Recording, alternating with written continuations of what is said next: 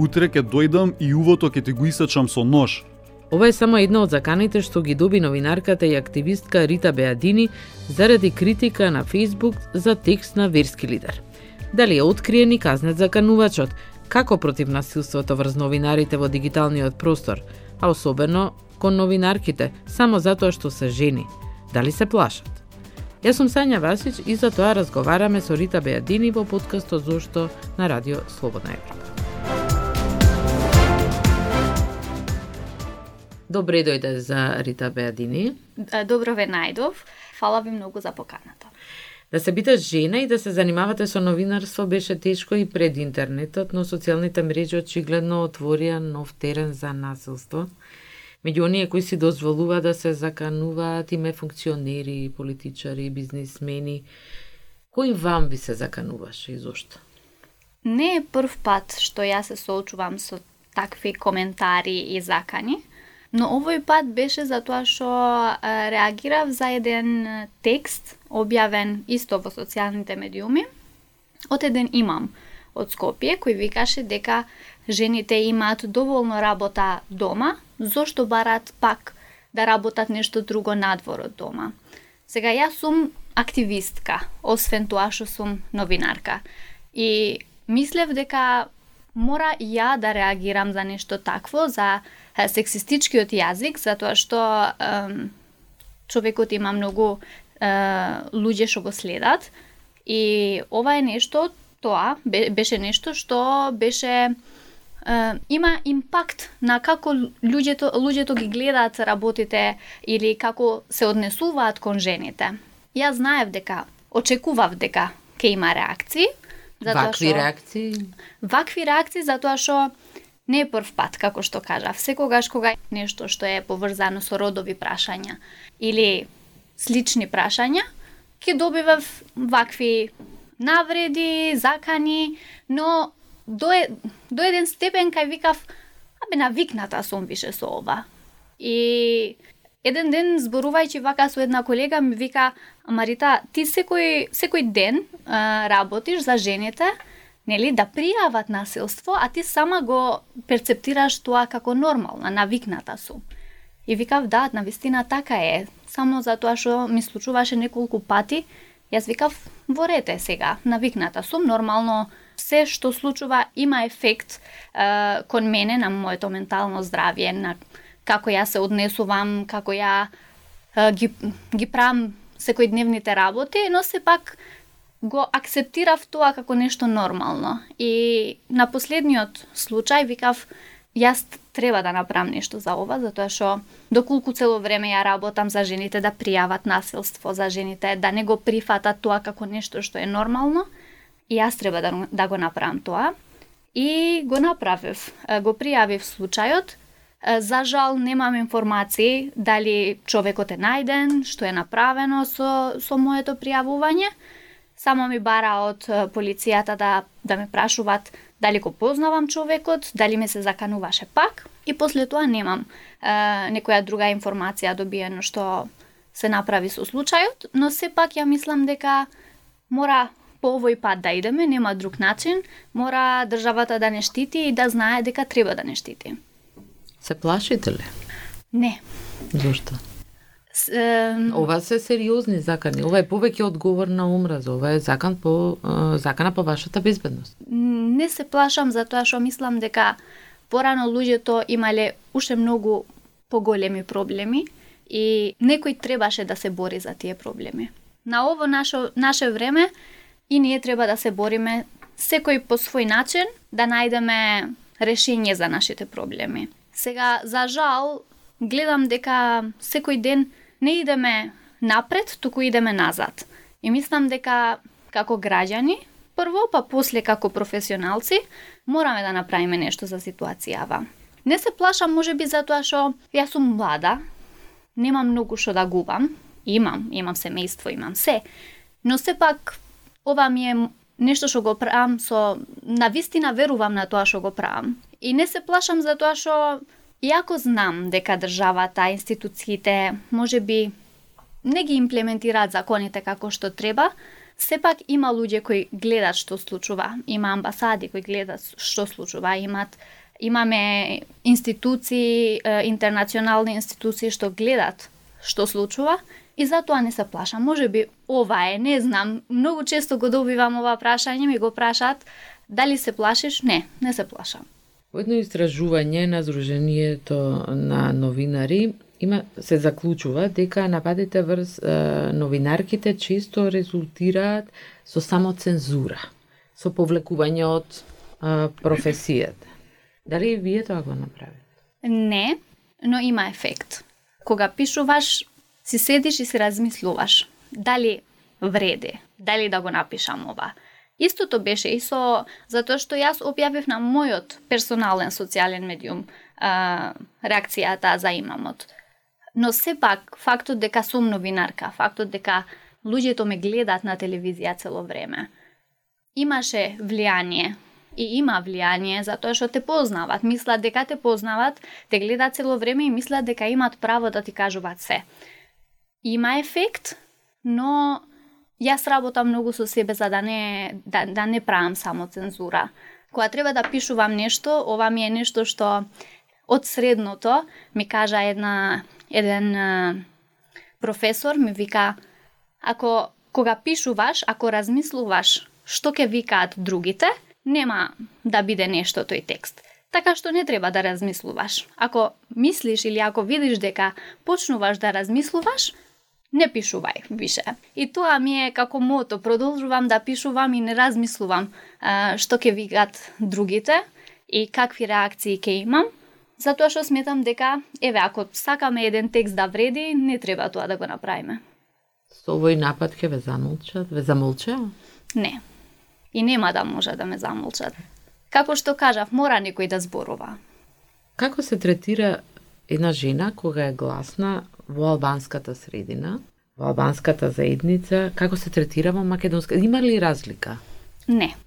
Горе-доле ние сме таму може би ни, албанците имаат нешто, македонците немаат нешто, пак се балансира тоа од сите страни. Ние живееме во истата држава, понекогаш им викам на луѓето дека ова е наша држава и треба така да се чувствуваме, така да работиме за тоа, затоа што иако имаме проблеми измеѓу нас, сепак ние сите тука живееме. Жената.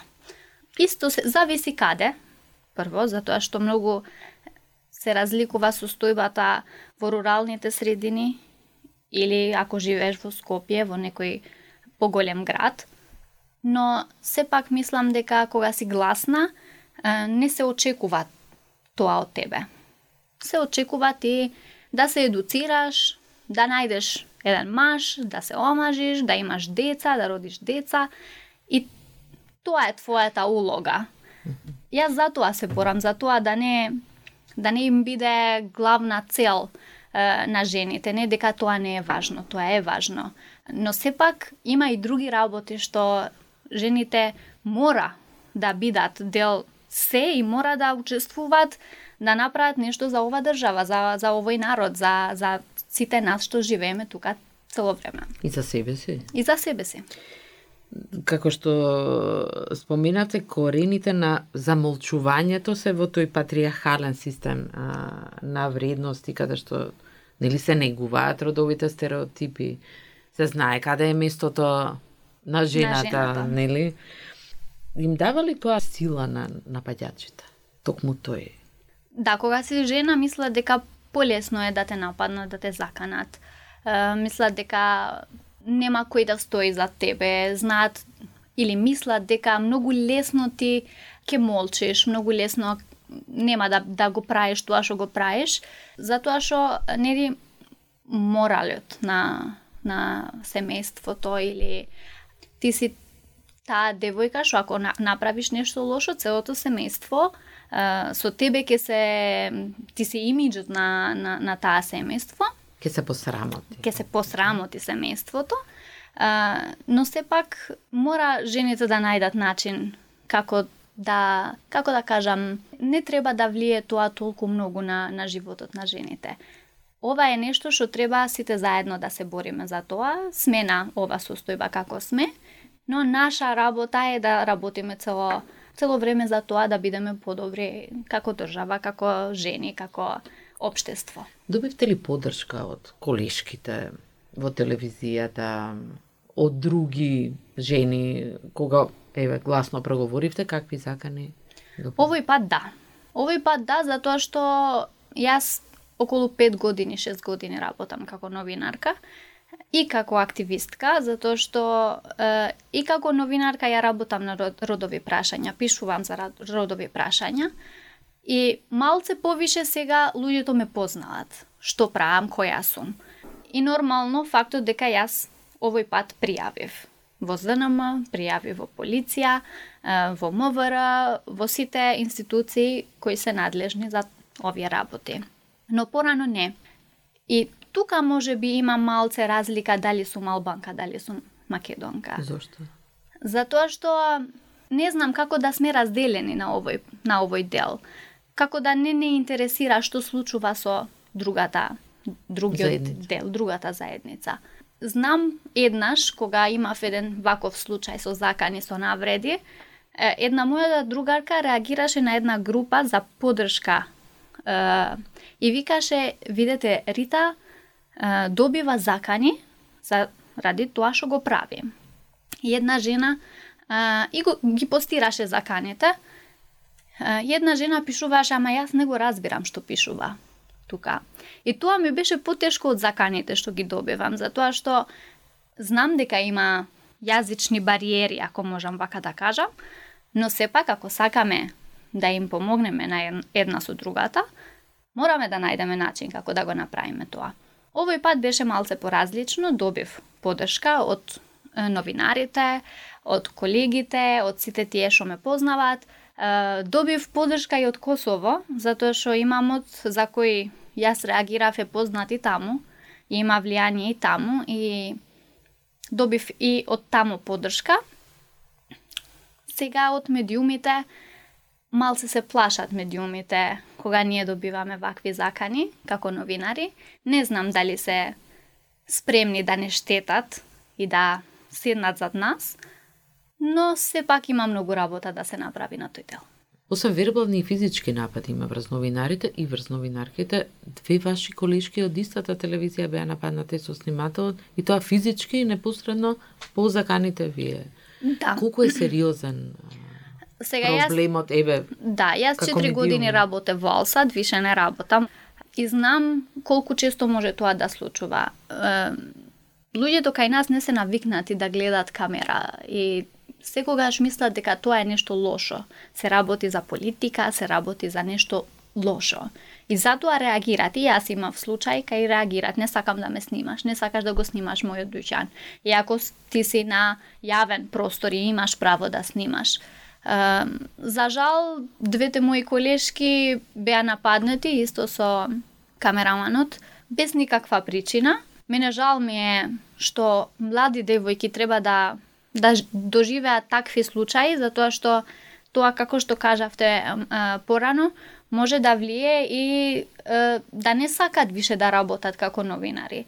Затоа што еве се гледа дека не е баш безбедно да работиш како новинар.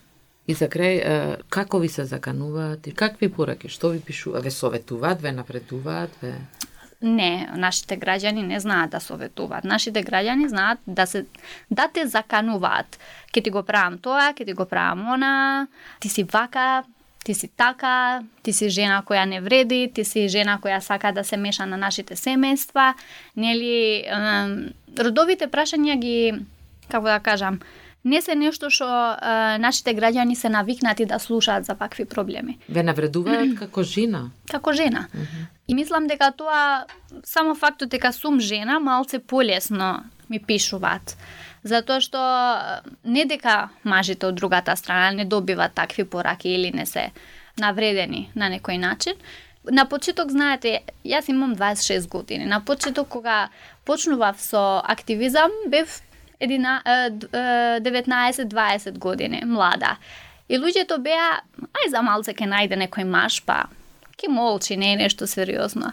После тоа, кога се вработив на медиумите, кога видеа дека, еве ја пак продолжувам на тоа моето работа, тогаш почнувале да да ме навреда, да да пишуваат, да реагираат затоа што гледаа дека еве ја не се плашам, еве ја нема да молчам.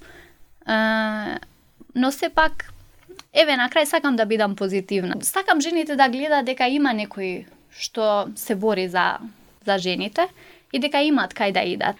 Тука е крајот на овој подкаст зошто на Радио Слободна Европа. Благодарам Рита што искрено ни кажа и како се чувствуваш и зошто реши гласно да зборуваш за овој проблем, но и да ги охрабриш и другите.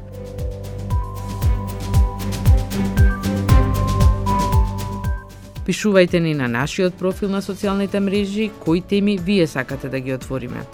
Јас сум Сања Васич. Слушајте го пак подкастот Зошто на нашиот сајт Слободна Европа, на нашите социјални мрежи, како и на Spotify, на Google Podcast и iTunes.